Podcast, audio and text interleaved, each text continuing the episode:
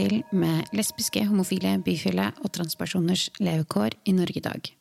Og er levekårsutfordringene for skeive folk annerledes enn for heterofile? Og hvorfor er det sånn at transpersoner er mer utsatt for diskriminering?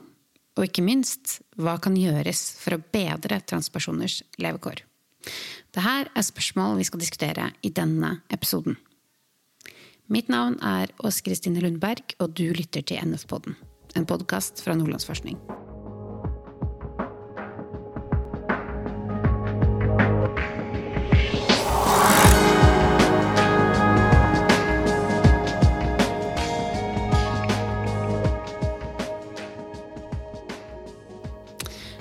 Det er Pride-utgaven av NF-podden.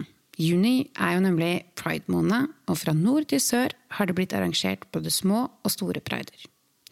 For mange så er pride en fargerik feiring av mangfold og kjærlighet, men det er også en kampdag. Og i år så er det 52 år siden opptøyene utenfor utestedet Stonewall Inn i Christopher Street i New York. Da hadde en brokete forsamling av det som blir sett på eh, som samfunnets utskudd, fått nok av politiets vold og trakassering og den manglende respekten for skeives rettigheter og likeverd. De tok til gatene, og opptøyene 28.6.1969 markerer starten for den moderne LHBTI-rettighetskampen. Og mye har skjedd de siste 50 årene, men fremdeles opplever skeive levekårsutfordringer. Og i forrige uke så ble rapporten Seksuell orientering, kjønnsmangfold og levekår resultater fra spørreundersøkelsen 2020 lansert under Oslo Pride. Og det er Universitetet i Bergen i samarbeid med KUN og Nordlandsforskning som har gjennomført denne kartlegginga på oppdrag for Barne-, ungdoms- og familiedirektoratet. Og det er den første kartleggingen av skeives levekår siden 2013, og den første som inkluderer transpersoner. Og det er nordmann Andreassen fra UiB som har vært prosjektleder. Og de andre forfatterne da, av rapporten det er Helga Eggebø, Elisabeth Stubberud og Øystein Holmeli. Og I dag er det Helga og Elisabeth, begge forskere på Nordlandsforskning, som er med i NF-podden og skal belyse og diskutere skeives levekår. Hei, Helga, og hei, Elisabeth. Hei. Hallo. før dere sier mer om funnene fra rapporten, så lurer jeg på om dere kan begynne med å, fortelle noe om bakgrunnen for den kartlegginga, og hvorfor det er viktig å, å vite om skeives levekår.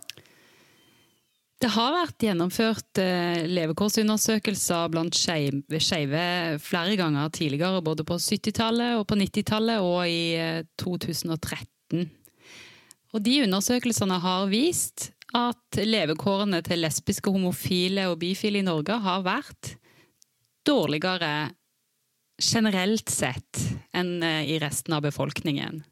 For så viste de tidligste levekårsundersøkelsene at det var ganske betydelig mange flere blant skeive som hadde forsøkt å ta livet sitt en eller annen gang i løpet av livet.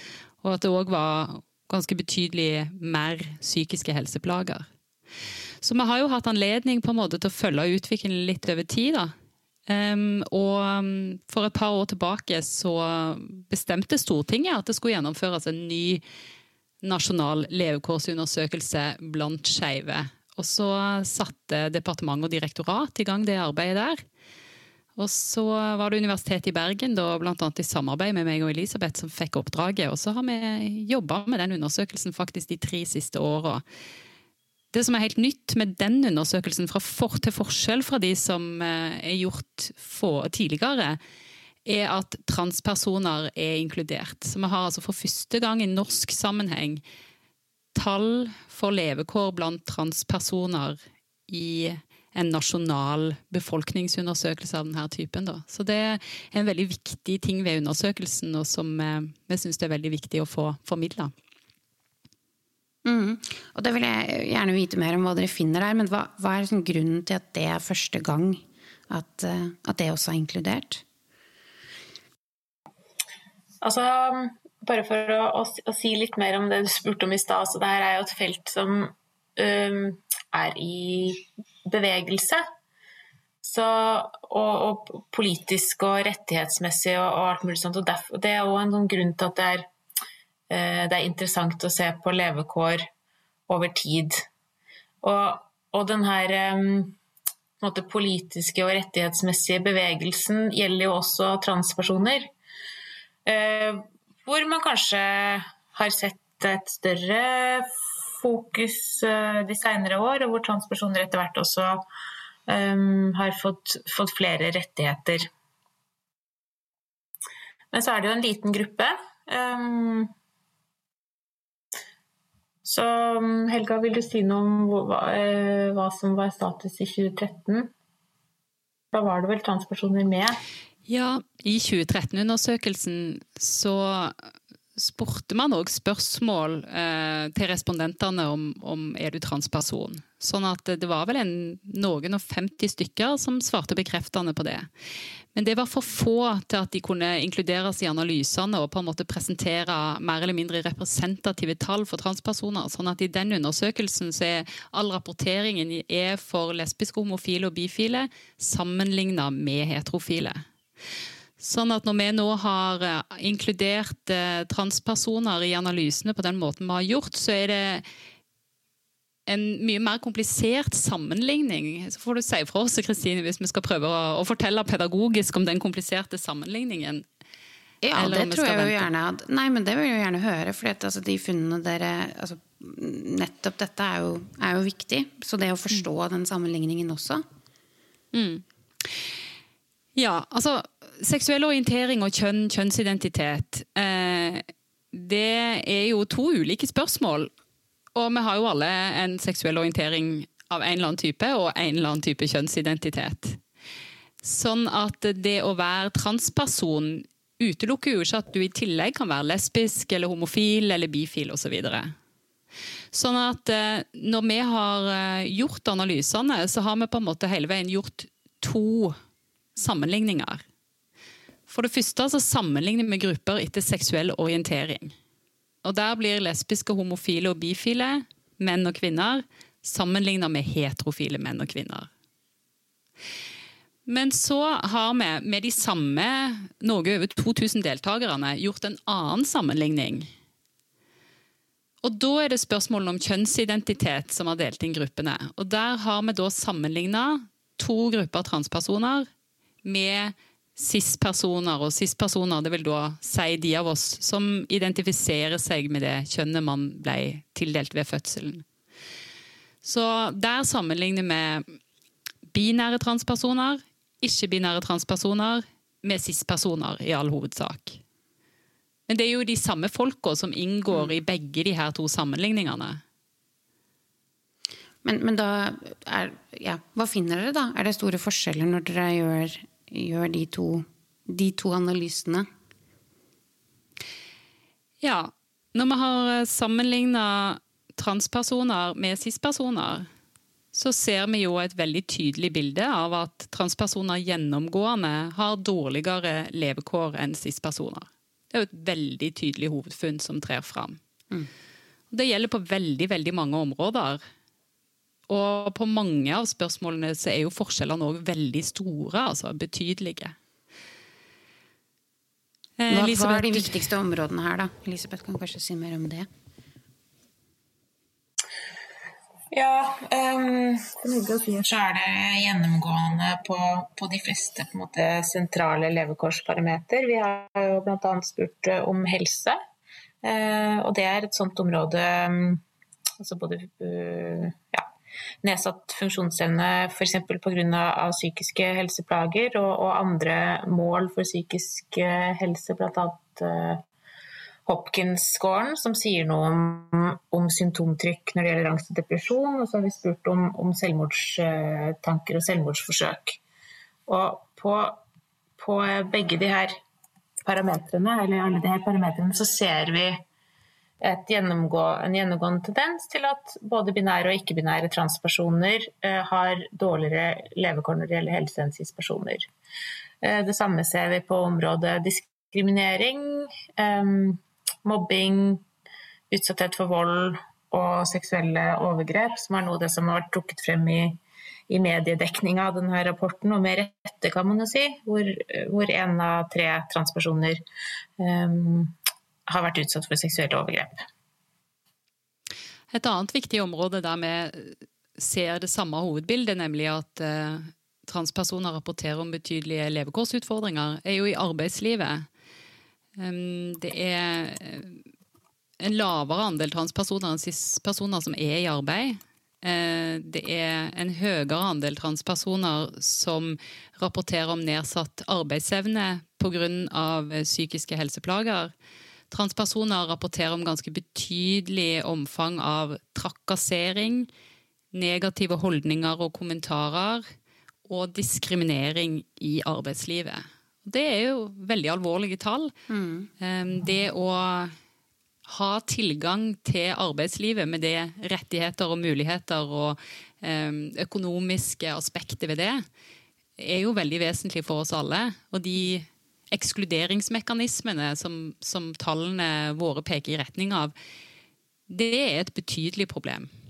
Men hva, eh, det er jo òg liksom Jeg tenker sånn hva, Og nå er dere inne på det når dere snakker om, om diskriminering og eh, hva, hva, har transfobi og, og liksom den offentlige debatten da, og liksom ordskiftet Hvordan påvirker Kan dere si noe ut ifra rapporten deres hvordan det påvirker transpersoners eh, levekår? Ja, altså vi har jo ikke, har jo ikke målt holdninger i denne undersøkelsen. Det ble gjort i 2013, og Bufdir eh, har gjort det i 2017. Altså altså befolkninga generelt sine holdninger til LHBT-personer eller skeive. Eh, men det er klart at når vi ser de levekårsbelastningene som spesielt da transpersoner rapporterer om i vår studie, så, så kommer jo ikke de levekårsbelastningene fra ingen steder. Det er klart at eh, når du utsettes for den grad av, av diskriminering og trakassering f.eks. på arbeidsplassen som folk rapporterte om eh, i, i, vår studie, så, så sier jo det også noe om, om, holdninger i samfunnet. Og noe om den motstanden, eh, både strukturell motstand og, og, og problemer og, og på en måte holdninger eh, som kommer til uttrykk f.eks. gjennom arbeidslivsdiskriminering. Så indirekte så, så, ser vi jo noe der. De, de holdningstallene som, eh, som eh, ligger fra, fra, tidligere, viser jo at selv om de aller fleste i majoritetsbefolkningen har eh, generelt sett positive holdninger til skeive, så er det likevel ganske mange som har ganske eksplisitt negative holdninger til transpersoner. Og det gjelder særlig blant eh, heterofile menn, altså i majoritetsbefolkningen. Og det kommer jo da, som Elisabeth sier, ganske tydelig til uttrykk i de her nye levekårsdataene, med at mange transpersoner rapporterer at ja, jeg har blitt snakka nedsettende til, eller opplevd negative handlinger retta mot meg pga. min kjønnsidentitet og kjønnsuttrykk. Eller at de har uh, hørt at andre har blitt snakka nedsettende om eller utsatt for ubehagelige hendelser pga. kjønnsidentitet og kjønnsuttrykk. Og det er jo klart, negative handlinger og diskriminering er jo gjerne et utgangspunkt, nei, eh, et resultat av negative holdninger. Og de eh, negative holdningene til transpersoner kommer jo, som du er inne på, òg til uttrykk i det offentlige ordskiftet, med ganske sånn jevne mellomrom um, i den offentlige debatten siste året, f.eks. Mm. Men sånn jeg i hvert fall har lest dekningen da, av A-rapporten da den ble lansert forrige uke, så er det jo særlig disse funnene som har blitt løfta fram.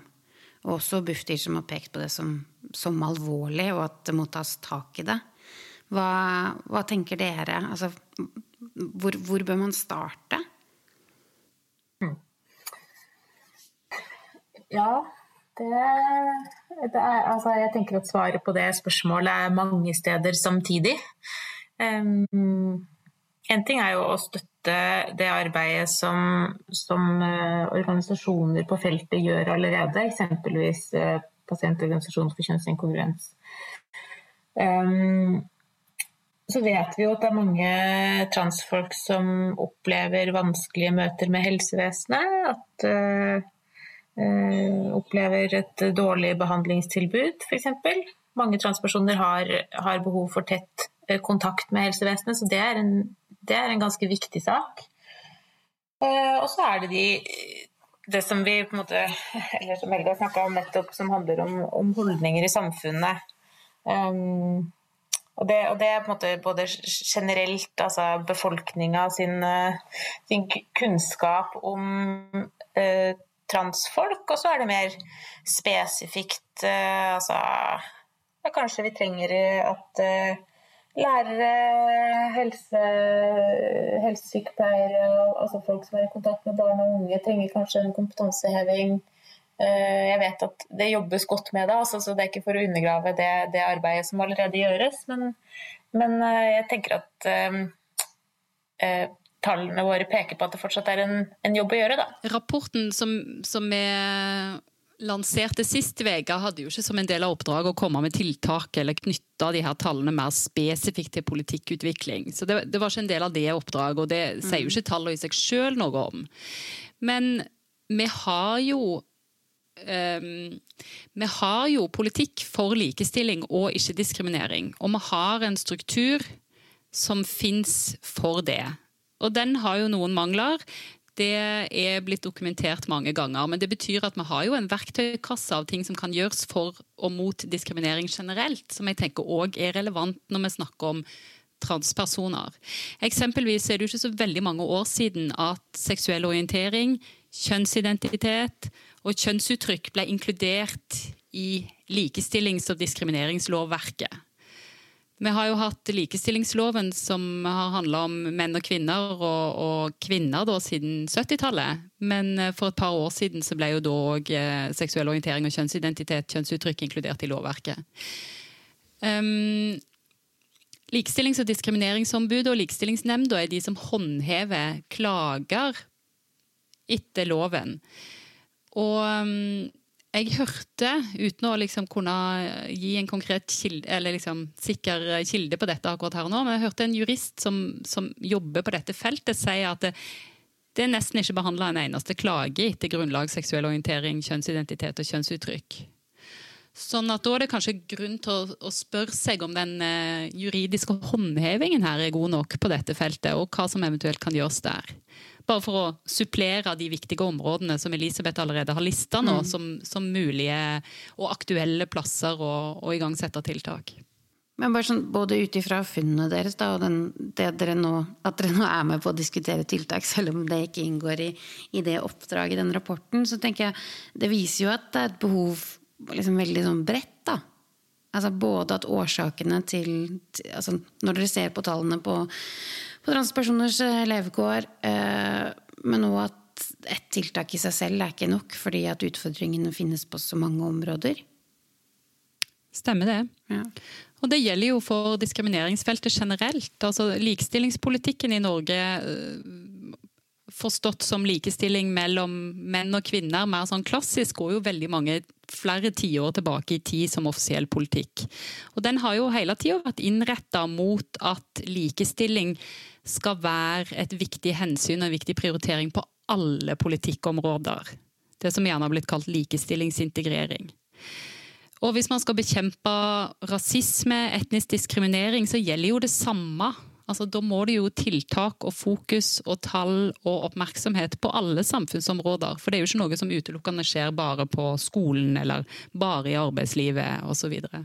Og Det samme gjelder jo her. Altså Den diskrimineringen som vi dokumenterer at transpersoner blir utsatt for, ser jo ut til å gjelde på veldig mange ulike samfunnsområder og levekårsområder. Mm. Sånn at det er på en måte et til kapittel i norsk likestillings- og ikke-diskrimineringspolitikk, tenker jeg. Og der vet vi jo en god del fra før, som er viktig å ta med seg videre i livet, nemlig at eh, de her spørsmålene må inn på alle samfunnsområder. Det må være noe myndigheter på alle områder er med å ta ansvar for. Du får ikke gjort noe med diskriminering i arbeidslivet hvis ikke bedriftene, arbeidstakerorganisasjoner, arbeidsgiverorganisasjoner, departement og direktorat på de aktuelle feltene er villige til å ta den ballen, osv. Og nettopp Derfor er det jo så utrolig viktig at, eh, at, ansvaret for å sørge for likestilling og ikke-diskriminering på tvers av alle grunnlag, uavhengig av kjønn, det er et ansvar som, som påligger alle, da. Mm. Men fra, fra lanseringen, altså jo, Dere har gjort dette på oppdrag for Bufdir. Eh, men hva var det andre altså Nå nevner de jo bredden, Helga, av aktører som på en måte eller, og områder i samfunnet som, som trenger, trengs å være med. Eh, var de representert? Altså ble det noen diskusjon der liksom, om denne bredden? Eller er det liksom man snakker til de samme? Altså, det her eh, ble jo heldigvis et arrangement i virkeligheten, der det faktisk var folk i salen. Og det var jo lenge uklart om det kunne komme til å bli pga. koronapandemien. Sånn som alt har vært i det siste. Sånn at Jeg vet ikke om noen helt vet hvem som satt og så på den, eh, det arrangementet som ble streama. Så eh, ut fra hvem som var i salen, så kan vi kanskje ikke konkludere med hvem som følger med her, da.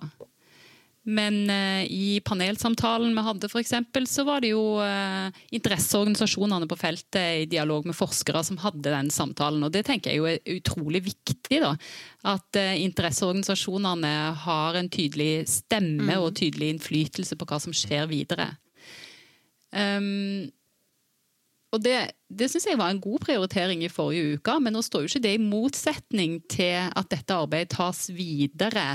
Eh, og at Bufdir kanskje da står i spissen for å få med flere offentlige myndighetsorganer til å jobbe med dette. Mm. Men det jeg tenker var veldig kjekt for oss i forrige uke, som var veldig viktig, var at det var veldig mye dyktige og kompetente folk med uvurderlig kunnskap fra praksisfeltet som var til stede på den lanseringen. Fordi De tallene vi presenterte i forrige uke, er jo én type kunnskap. ikke sant? Statistikk, befolkningsundersøkelse. Men her er det jo veldig mange som sitter på en litt annen, men ikke mindre viktig kunnskap, etter å ha jobba um, for og med og av f.eks. transpersoner i Norge over en årrekke. Som selvfølgelig kjenner det bildet som tallene òg tegnte opp da Nemlig at det er veldig mange som utsettes for veldig mange former for marginalisering, trakassering og diskriminering, og at det har alvorlige negative konsekvenser for livskvaliteten. Så jeg tenker at eh, den kunnskapen som de av oss det gjelder, organiserte interesser, interesseorganisasjonene osv. allerede besitter, den, den må framheves og, og være en viktig del av de stegene som myndighetene tar videre nå. Men jeg tror det er lettere for de å ta de stegene nå når de, de, har, når de har, tall, da. altså det, det kvantitative i bånn. Hva tror du, Elisabeth, om tallenes tale? Makta bak tallene. ja, det er lov å håpe. Altså Det har jo nettopp kommet en ny handlingsplan på feltet. Så det ligger jo noen, noen, ting der. Og så tenker jeg jo kanskje at det eh, Det er ikke sikkert at det er nok. Det kan hende det kreves noe mer. Altså det som Ut ifra liksom det utfordringsbildet som, som, er tydeliggjort nå, da? Ja. Hmm. ja. Og jeg tenker òg at uh, at som forskere så har vi også et ansvar uh, for å, å, de av oss som, som i Altså har, har anledning til å, å, prioritere forskning på det her feltet, bør tenker jeg bør, bør kanskje gjøre det.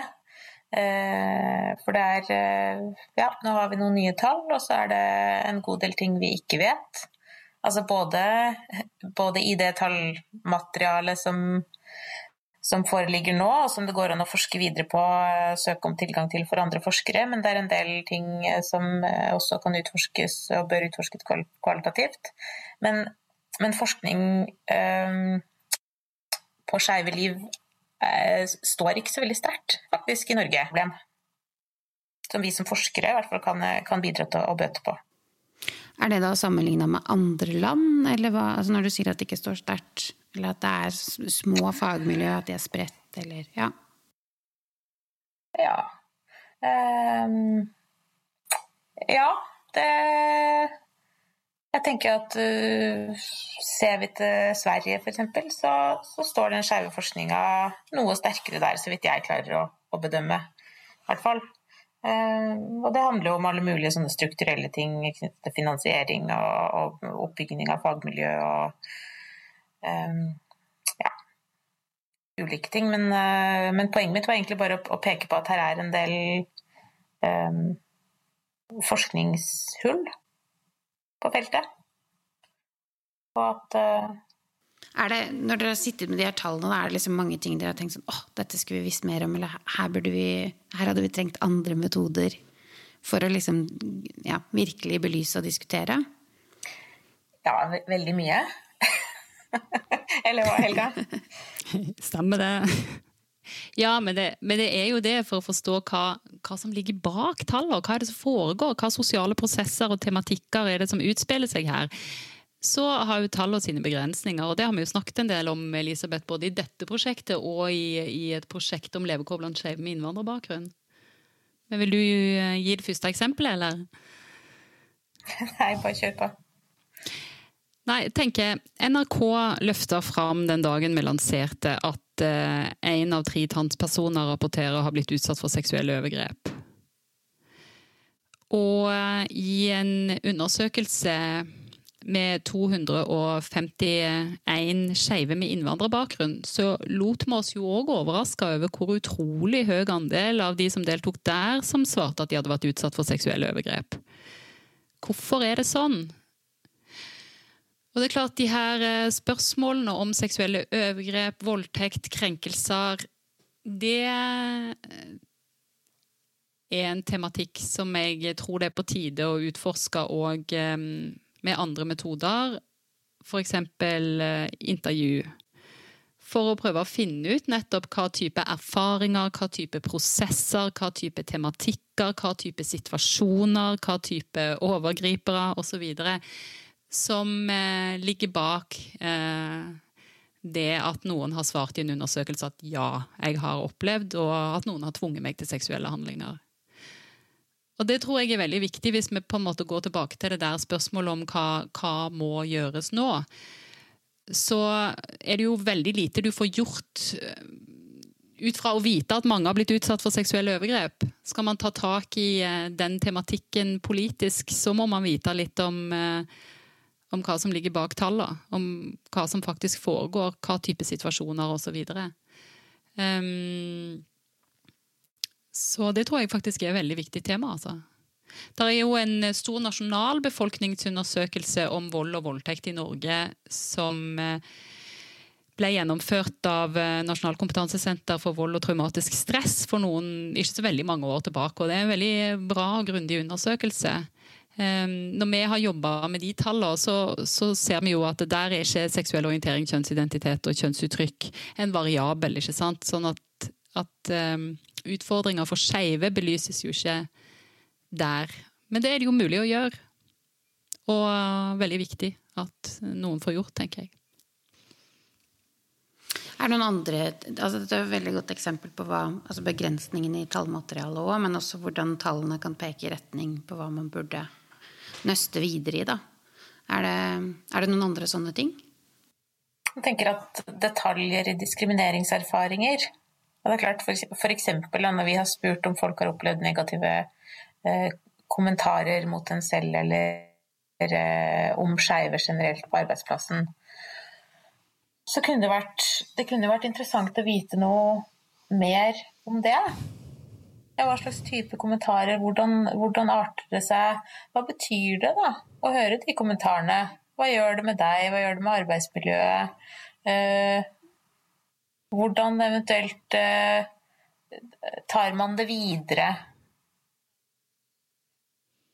Noe sånt kunne vært, tenker jeg kunne vært eh, bra å eh, liksom fått litt mer sånn ja, kjøtt på beina om. Altså det, det, er ikke sånne fri, fribokser hvor man kan fylle i tekst? Det har det ikke vært jo da. her? Vi det. har det òg i undersøkelsen, okay. men det var på to mer generelle spørsmål enn Det var ikke spørsmål av typen 'skriv her om diskrimineringserfaringer'. Det var vel noe mer overordna spørsmål om på en måte eh, viktige hendelser i skeive liv, mm. eller jeg husker ikke akkurat hvordan vi formulerte oss, Elisabeth, men vi har jo gått gjennom de kvalitative svarene òg. Eh, så vi vet jo hva som foreligger av på en måte mer sånn folk får lov å skrive litt fritt type data i denne undersøkelsen. Så jo, den inneholder sånne kvalitative skriv fritt-felt òg. Og der er, der er, det interessante ting å hente.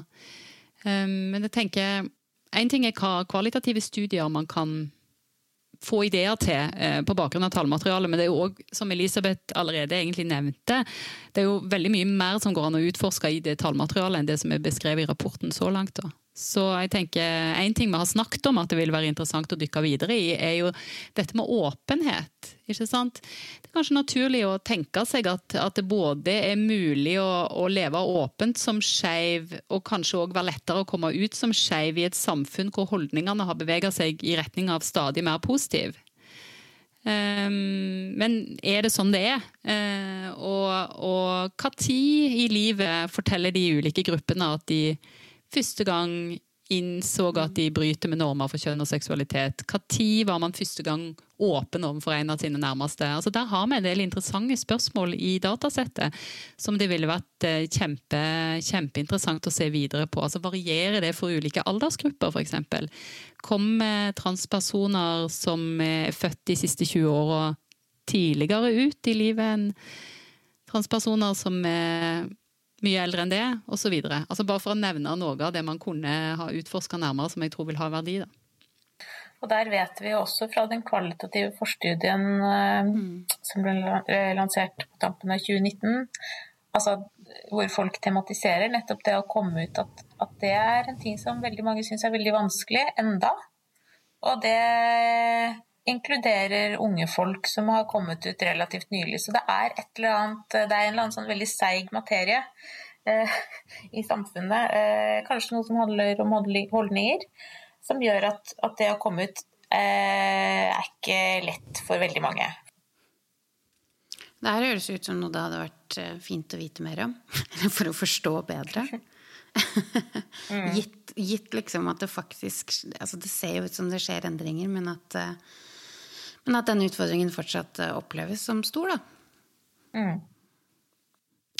Og Det var jo en av de uh, tingene vi prøvde å være veldig tydelige på da, i den, uh, den rapporten 'Skeive livsløp', som er basert på intervjuer med nesten 100 skeive. Det er et ganske stort materiale, da. Det er et kvalitativt materiale, men et veldig stort. Og det at uh, det er åpenbart ingen automatikk i at holdningene generelt er positive til skeive, og det at akkurat dine foreldre eller søsken eller venner eller andre nære reagerer positivt og støttende. Og, ehm, og det, det, der er Ja, det er viktig å dykke litt nærmere i måte, de prosessene der, da.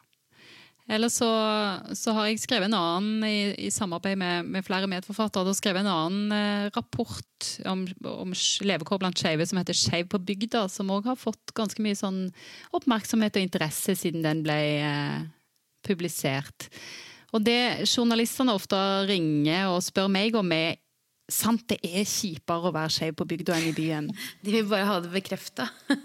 de, de, vet det og vil bare ja. at jeg skal bekrefte at sånn er det. Så den kvalitative rapporten der, der var vi jo veldig opptatt av å løfte fram at bildet er todelt. Ja, der er en del av de deltakerne i den rapporten som i intervjuet altså fortalte om mange negative og vanskelige erfaringer, som noen av de knytta til bygda, som noen av de knytta til at, at, dette er erfaringer de av oss som lever skeivt, opplever uavhengig av bosted. Mm. Og så var det andre som var veldig opptatt av å løfte fram at de levde gode skeive liv på bygda. Og de var superlei av å møte folk som liksom alltid mente å vite at det var kjipt å være skeiv på bygda. Og det var nesten umulig å få folk til å tro noe annet, selv om man kom og sa hei, jeg er skeiv og jeg lever på bygda, jeg syns det er prima.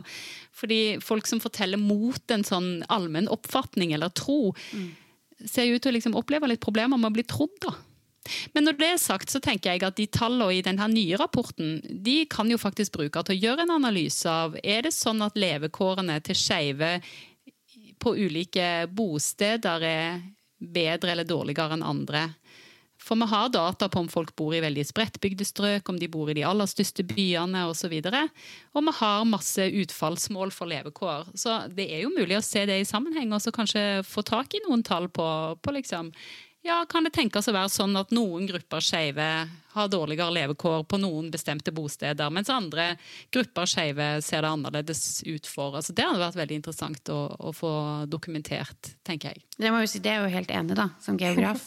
Men også, liksom, også åpne opp hva er Altså at det er forskjell også i levekårene blant skeive. Um, ja, rett og slett. For du har jo diskrimineringsgrunnlagene, og liksom eh, Man kan jo selvfølgelig både være skeiv og ha, leve med funksjonsvariasjon, man kan være skeiv og være brun, man kan være osv. Ikke sant. Um, og Bosted er jo ikke et diskrimineringsgrunnlag, men det er jo en viktig sosial bakgrunn som selvfølgelig kan tenkes å ha betydning for levekår. da. Eller vi vet det har betydning for levekår generelt, det viser jo all levekårsforskning. Men har det òg en spesifikk betydning for levekår blant skeive? Det kan òg tenkes. Ja, da gleder jeg meg til svarene på det, da. det kom, åh, det kom. Ja, det kommer. Ja, ja, noen, noen, må jo bare gjøre jobben, og det kan jo ikke være, noen, eh, det kan ikke være noe verdensproblem. Nei, det er egentlig bare å gjøre det. Men en ting som også kommer frem i rapporten, så fremmes det at uh, at lesbiske og homofile stort sett har gode levekår, på lik linje da med heterofile. Hva, hva, altså, og nå har dere jo snakka om likevel har folk disse historiene om at det er liksom en utfordring å, å, komme ut da, eller åpenhet rundt det. Men, men eh, ja, har vi kommet dit at det, ikke, at det er ikke noe mer komplisert da, å leve lesbisk og, som lesbisk eller homofil i Norge som, som heterofil? Hva tenker dere rundt det? Ja, hva var det prosjektleder Normann Andersen sa på lanseringa? Eh, han sa at eh, hadde det her vært en studie av eh, levekår blant lesbiske homofile, så hadde vi antagelig sagt noe sånt som at, at det er levekårsutfordringer blant lesbiske homofile sammenlignet med heterofile. Og det ville vært et hovedfunn mens nå, fordi at de levekårsutfordringene er relativt sett uh, lavere da, enn uh, spesielt blant bifile og transpersoner, så, så, blir liksom det litt sånn Forsvinner det litt, da. Uh, når det er sagt, det er jo det, jo det, er jo små og få forskjeller på veldig mange områder. Og så er det noen områder hvor det er forskjeller. eksempelvis trakassering og, og, og, diskriminering på arbeidsplassen. Negative kommentarer og den typen ting. Og vi ser også at det er uh, forskjeller uh, når det gjelder mobbing mellom heterofile og homofile menn. Hvor homofile menn opplever uh, ganske mye mer mobbing. Som fra i løpet av skolegangen. Så det er noen noen steder, eh, noen levekårsvariabler, hvor vi ser nokså tydelige forskjeller enda. Mm. Det var kanskje særlig når, man, når vi sammenligna lesbiske kvinner med heterofile kvinner, at vi fant små og få forskjeller. At eh, ja, lesbiske kvinner og heterofile kvinner får i snitt omtrent like mange barn, er omtrent like fornøyd med livet sånn helt generelt, har omtrent like god helse osv. Så, videre. så var det noen plasser der eh, lesbiske kom bedre ut. Jeg mener å huske at lesbiske kvinner rapporterte om mindre trakassering i arbeidslivet enn heterofile kvinner, men at lesbiske kvinner igjen forteller om å ha vært vitne til eller sett mer negative holdninger mot skeive enn heterofile kvinner osv. Sånn at, eh, og nå var sammenligna heterofile menn og homofile menn, så var det noen flere forskjeller. Um, en av de forskjellene som kan være verdt å notere seg, tenker jeg, er at uh, homofile menn var den gruppa som i minst grad deltok i å være medlem av idrettslag, mens heterofile menn på andre sida i veldig stor grad deltok i idrettslag. Og jeg bare hadde det i bakhovet når jeg i forbindelse med rapportlanseringen leste om de her debattene om regnbuefarger eller ikke, og eh, i forbindelse med fotball, ikke sant? Altså, ja, på fotballstadier. Eh, ja. ja. Jeg hadde de tallene i bakhodet, da. Mm. Og så tenker jeg det som vi snakka om eh, for litt siden, som handla om flere diskrimineringsgrunnlag. Altså Én ting er at det kan være Det kan godt hende det er ganske greit å, å leve som lesbisk eller homofil eh, hvis du ikke har noe annet ved deg som skaper problemer i livet. Eh, men det kan jo tenkes å være sånn at hvis du i tillegg er eh, rasialisert, hvis du har eh, funksjonsvariasjoner, hvis du er fattig hvis du har usikker oppholdsstatus Norge, et eller annet sånt. Hvis du, hvis du får en sånn tilleggsfaktor, så kan det hende at, at det å være homofil eller lesbisk blir et større problem enn det det er eh, hvis du ikke har de tilleggsfaktorene. Og det, bare for å utbrodere litt om det, da, så i rapporten vi skrev om levekår blant skeive med innvandrerbakgrunn, så var det sånn at en del av de eh, skeive flyktningene som kom fra flyktningleirer som jeg intervjua, de hadde jo fått høre så fantastisk mye fint eh, fra norske utsendinger i flyktningleirene om hvor bra det er å leve som LHBT-person i Norge, sammenlignet med andre plasser. Og liksom følte at de hadde fått en sånn skikkelig reklamekampanje eh, for Norge der, da. Var veldig glad for å, å, få flyktningstatus i Norge på den bakgrunnen. Men noen av transpersonene eh, fortalte om en sånn veldig sterk følelse av skuffelse over Norge. For ja, ok, kvinner har lov å gifte seg med kvinner, og menn har lov å gifte seg med menn i Norge, men det finnes jo ikke noe helsetilbud for transpersoner som fungerer.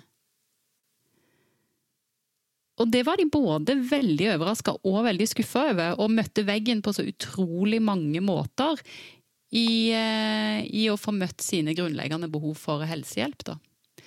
Så eh, Bare for å eksemplifisere Elisabeth sitt poeng der, med at det er forskjell både om, om du har på en måte en sammensatt identitet, flere minoritetsposisjoner i én, men òg at det kan være igjen veldig store forskjeller mellom å leve som lesbisk og homofil eller som transperson.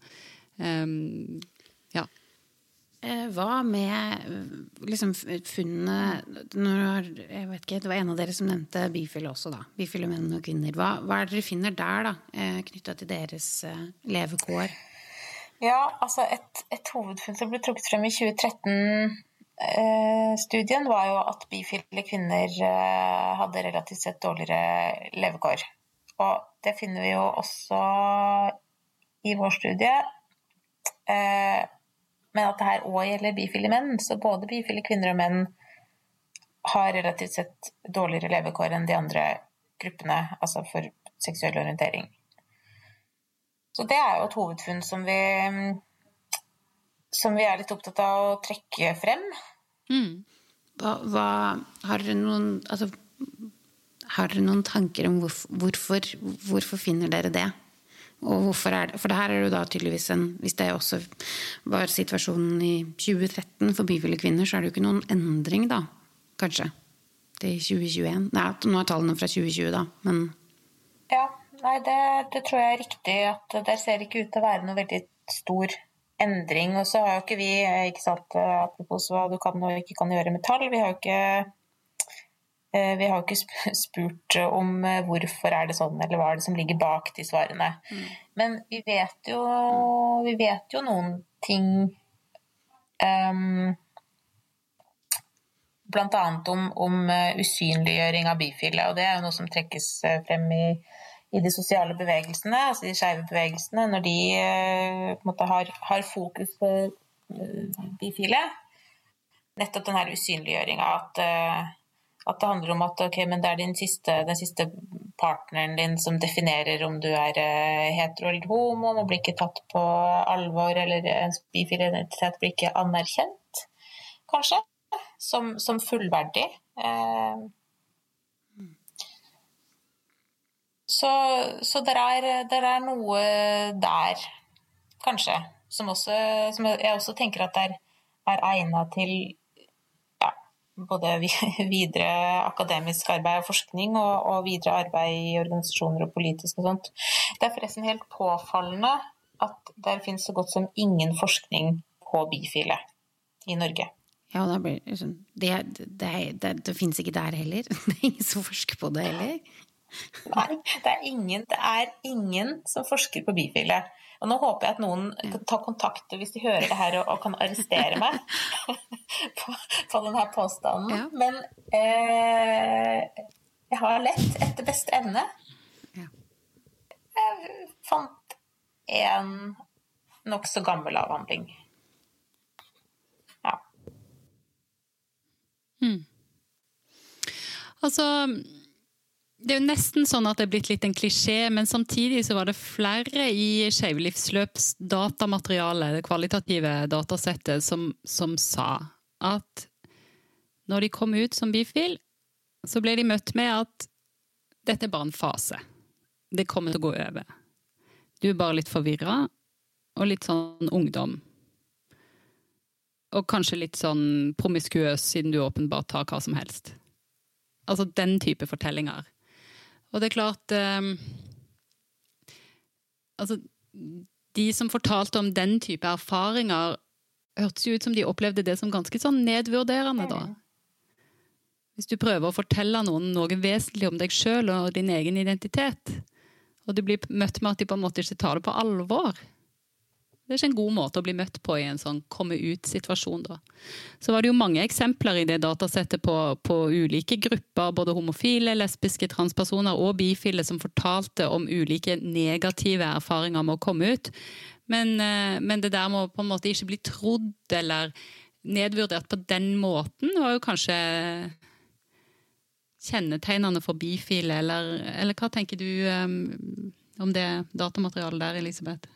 Nei, jeg syns det, det, det resonnerer. Eh, og jeg tenker òg at det er interessant at altså, i det kvalitative materialet så var det jo ganske mange som identifiserte seg som bifile eller skeive eller altså ikke som lesbiske eller homofile. Da. Så det er jo det, det, det også som er litt sånn snedig med det hele, at vi snakker om ganske mange mennesker som er, er, et eller annet sted på en sånn uh, bifil-panfil-skala. Hvor det spiller en større eller mindre, del uh, altså, større eller mindre rolle i livet. Så um, Så den her usynliggjøringa, altså både i sånne komme ut-situasjoner som du, du, nevner nå, Helga, um, men også i den skeive bevegelsen. Altså det, hvis jeg ikke husker helt feil, så var det en, en del i de, de, de, kvalitative intervjuene som tematiserte det også. At uh, man kanskje ikke følte seg skeiv nok for de skeive bevegelsene.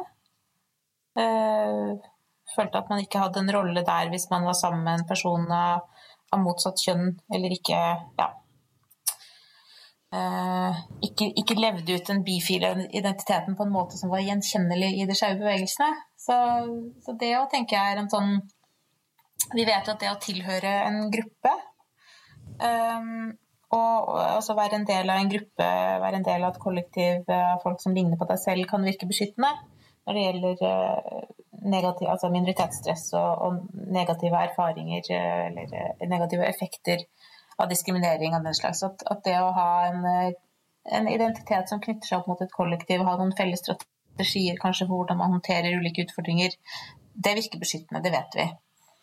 Så, så hvis det er sånn at, at bifile er eller opplever seg marginalisert fra den skeive bevegelsen, så vil det si at de også har mindre tilgang på den beskyttelsen som bevegelsen kanskje kan tilby.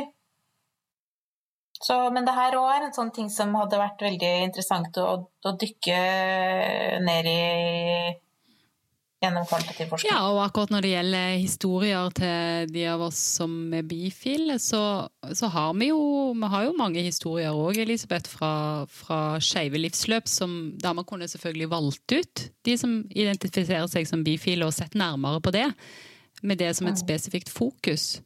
Sånn at jeg tenker, Gjennomgående her så er det jo det er mye vi gjerne skulle ha forska mm. mer på. Mange personer vi gjerne skulle ha snakka med og mer med. Men jeg tenker at i dette feltet så er det jo også veldig viktig å understreke at det finnes veldig mange tilgjengelige data som man kan forske på. Det mm. fins eh, tilgjengeliggjort kvalitativt materiale. Skeivt arkiv i Bergen har noen fantastisk samling med livshistorieintervju som er åpent tilgjengelige, og som det går an å bruke i forskning. Um, som er veldig verdifullt og veldig verdt at flere hadde skrevet om. Um, vi tilgjengeliggjør jo det datasettet som ligger til grunn for rapporten fra forrige uke. Eh, det kvantitative datasettet fra skeive med innvandrerbakgrunn er tilgjengeliggjort. Det går det an å forske på for masterstudenter, doktorgradskandidater og andre forskere som er interessert. Eh, det er jo òg selvfølgelig en mulighet. Du nevnte dette med, nei, med transfobi og eh, anti-gender-bevegelsen og på en måte den type uttrykk i offentligheten. Altså, det hadde jo I tillegg til at det selvfølgelig er viktig å snakke med de av oss som lever som transpersoner, de av oss som representerer transpersoner i interesseorganisasjoner, så er det jo selvfølgelig òg mulig å sette seg ned og studere transfobien blant majoriteten. Gjennom avis- og arkivmateriale. Det går jo òg an å intervjue folk som eksplisitt har uttrykt transfobiske holdninger, om de kunne tenke seg å fortelle mer om det. Hvor kommer denne transfobien fra? Altså, det er jo kanskje òg viktig å vite noe om, da. Så eh, og vi har vel snakka om det flere ganger, Elisabeth, at særlig når det gjelder å intervjue folk som tilhører små og marginaliserte grupper, så er det jo litt viktig at det ikke bare kommer stadig nye og nye forskere og masterstudenter og skal intervjue de samme personene om igjen og om igjen og om igjen om de samme eh, av og til, og sånn kan det være for alle av oss, eh, vanskelige livshistoriene. Um, Attpåtil uten at man får noe som helst kompensasjon for det. ikke sant? Så jeg tenker Det er òg viktig å studere majoriteten mm. eh, i forhold til minoritetene. Og det fins veldig masse åpent tilgjengelig datamateriale som man bare kan gå i gang og skrive på. Ja, og, og det som altså, bredden her nå blir jo på en måte tydelig i det Vi både snakker om utfordringsbilder, men òg faktisk hva som er tilgjengelig av data. Og det er vel der rapporten deres også peker på altså det, er, det er jo viktig. Eh, dette er betydningsfullt, og, det, og, vi trenger mer kunnskap også. Um, men, eh, men, også den dialogen da, med, med organisasjoner og med, altså, med, hva de også eh, opplever som, som, viktig å sette på dagsordenen og fokusere Absolutt. på. Da. Nå får jeg litt vann på mølla her over spennende forskning og, og datakilder. altså, Men Skeivt arkiv i Bergen har bare så mye fantastisk historie, historisk materiale fra, eh, fra sosiale bevegelser òg. Eh, forbundet av 1948, første interesseorganisasjon for homofile og lesbiske i Norge. altså Det fins masse arkivmateriale derfra som det går an å forske på. Eh, det fins masse spennende rett rettsmateriale mange århundrer tilbake i tid, eh, der likekjønnsrelasjoner blir tematisert, som, som, det går an å gå løs på. Um, så det å dokumentere skeiv historie tilbake i tid i Norge er jo òg et veldig viktig prosjekt her. Så jeg tenker at, um, at, at uh, når vi snakker om, om levekårsforskning og, og, den på en måte forskningen uh, Eh, som handler om levekår og vilkår i dag, da, så er det veldig viktig. Men, men, det er en del av et større bilde. da. I et år, eller ett og et halvt år, altså koronatida hvor vi ikke har reist, og hvor alt har skjedd digitalt, hva, hva hadde det å si å faktisk forflytte seg og faktisk presentere det fysisk um, utafor kontoret sitt? Være sammen med de, de menneskene man skal diskutere med og sånne ting? Vi er vel alle enige om at det var en lettelse at det ble et fysisk arrangement på så mange nivå. Eh, men sånn for meg, og nå snakker jeg på en måte både som forsker og aktivist og privatperson og alt mulig, så, så er det å, å, å fysisk eh, treffe andre folk i den skeive bevegelsen, snakke med dem litt sånn mer uformelt eh, fordøye de her ganske vanskelige tallene. Altså det, det, treffer, liksom det, treffer, meg i magen, det treffer andre folk i magen. Eh, å, se de tallene som vi, som vi, har i det materialet. Så det å få eh, på en måte ja, litt sånn kollektivt prosessert det, diskutert eh, hvordan vi i fellesskap kan jobbe videre. Altså de delene av det å treffe folk fysisk, det, det opplevdes som ganske viktig eh, på den Oslo-turen, da. Så for min egen del, da, så er en av de som var til stede på arrangementet, ei transkvinne som jeg har skrevet en god del eh, politisk tekst i lag med og i dialog med i løpet av det siste året, altså i en annen sammenheng enn akkurat denne eh, forskningssammenhengen. Hun hadde jeg jo aldri truffet før, ikke sant? og var til stede på arrangementet. Satt i panelet, gjorde en fantastisk jobb der. Og det var jo så godt å få lov å liksom treffe, si hei og si det. Jeg syns du skriver så bra og gjør en så utrolig viktig jobb. Takk for det. Det er noe helt annet å få på en måte mm, si det til folk ansikt til ansikt. da enn å skrive det på Messenger. Men jeg tenker på en ting som du nevner, Elisabeth, som, som, jeg ikke spurte om tidligere. Men det er jo nettopp altså For hva gjør det med dere når dere sitter på det materialet dere sitter på da, og ser altså, Tallene blir jo sånn tydelige hvordan Ja, altså hvis, Det som går på selvmord, det som går på seksuelle overgrep altså, Det er jo liksom ordentlige Det er jo liksom alvorlige ting. Mm. Nei, det er ganske heftig, altså. Jeg syns det har vært eh, kjempetungt å jobbe med det, rett og slett. Og det er jo ikke Ja, det er ikke det. Vi kan jo slite med å legge fra oss eh, jobben når vi kommer hjem, eh, mange av oss, i ulike sammenhenger. Men, eh, men det her har vært litt sånn spesielt vanskelig. Eh, som jeg diskuterte med ja, og som Luca Dahl Espeseth også sa i, i panelet, og, og ja, flere, flere, andre også sa i panelet, som vi snakka om etterpå, det er jo ikke det at vi ikke vet.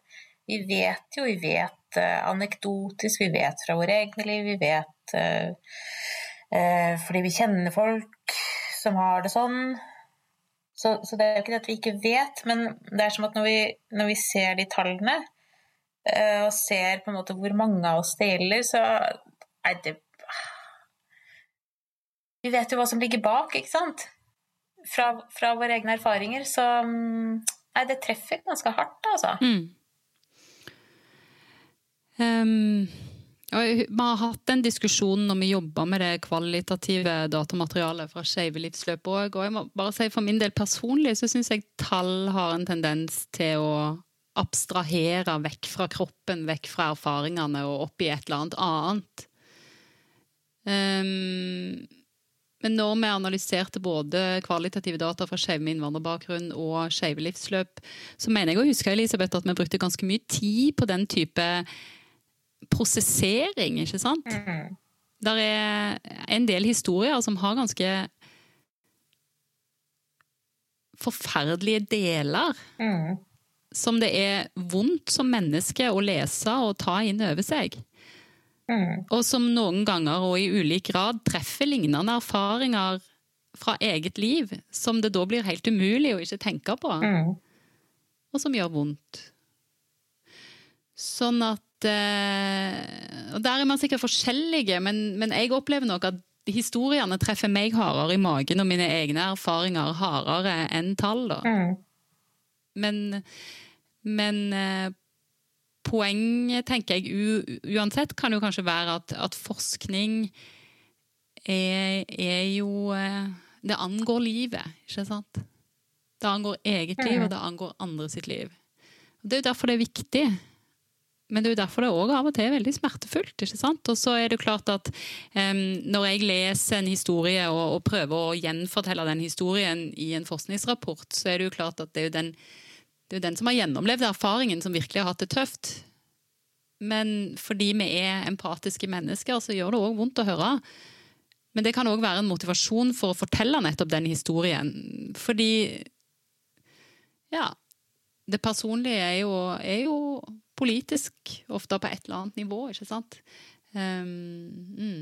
Så jeg tenker at det der, er, det der er veldig viktige spørsmål i forskning generelt. Jo, og det har dere også sagt tidligere nå, at dere er jo opptatt av å formidle eh, basert på Altså å, å få funnene ut. Eh, men, men, føler dere altså, dere, føler dere et spesielt ansvar også for å få det, for å få det ut, for å bidra inn i, i en debatt? Når dere har sittet så tett på historiene til folk om, om livene deres? Mm, det tenker jeg uh ja, eh, det, det, tenker jeg at vi, vi, gjør, at det er en, en ganske viktig sak for oss. Eh, fordi at eh, vi vet, vi vet Gjennom den forskninga så vet vi både noe om hvor skoen trykker for folk, og, og kanskje også litt om vi kan, hvordan vi kan bidra. Eh, hvordan eh, forskninga kan, kan, bidra til å dytte, dytte, ting i riktig retning, litt. Mm. Og at det eh, det her er ikke, den forskninga vi holder på med, er ikke nøytral. Vi vil, vi vil noe med den. Vi ser at det er dårlige levekår, og vi vil jo gjerne dytte, dytte noe i rett retning. Vi vil gjerne at det skal bli bedre for folk. Jeg tenker at det å kommunisere ut på en selvfølgelig en liksom saklig og nyansert uh, måte og alt mulig sånt uh, Men at den, at den, kommunikasjonen er ganske viktig. Mm. Og um, ja For min del så, så, er det det der med å formidle til offentligheten generelt, de av oss det gjelder spesielt, ganske mye av meningen med å drive med forskning. Altså det å formidle i en bredere offentlighet. Det er jo ikke noe arbeidsgiver pålegger oss, og det er jo ikke noe vi får poeng for i Forskningsrådet og alt det der. Eh, så det handler jo mer om en følelse av ansvar overfor eh, alle de som har bidratt til denne forskningen. Og en motivasjon, indre motivasjon, sånn som Elisabeth peker på, til, til å få endra noe i verden Blant annet ved hjelp av de her rapportene og artiklene og hva det nå blir. Og det er jo liksom det ligger jo til grunn for hele levekårsforskningen generelt, og kanskje levekår blant skeive spesielt, at Bufdir har jo selvfølgelig bestilt det med det eksplisitte formålet å bedre levekårene. Det er jo grunnlaget for en handlingsplan som har som formål å bedre levekårene. Og det ville jo vært bare helt absurd å tenke seg at man eh, forska på levekår og eh, dokumenterte levekårsutfordringer for å stå og stille seg helt nøytral til hvorvidt det var et problem eller ikke. Altså Det er det jo ingen som gjør. Forskning blir jo på en måte gjerne avkrevd nøytralitet, men på dette feltet eh, er det, jo, det er jo ingen som, ingen som tenker at, uh, at, ok, her har vi levekårsutfordringer, men det er jo fullstendig hipp som happ eh, om vi bedrer de eller forverrer de. Altså, formålet om at dette skal brukes til bedre levekår, er jo helt eksplisitt fra alle aktørene, alle involverte aktører sin side.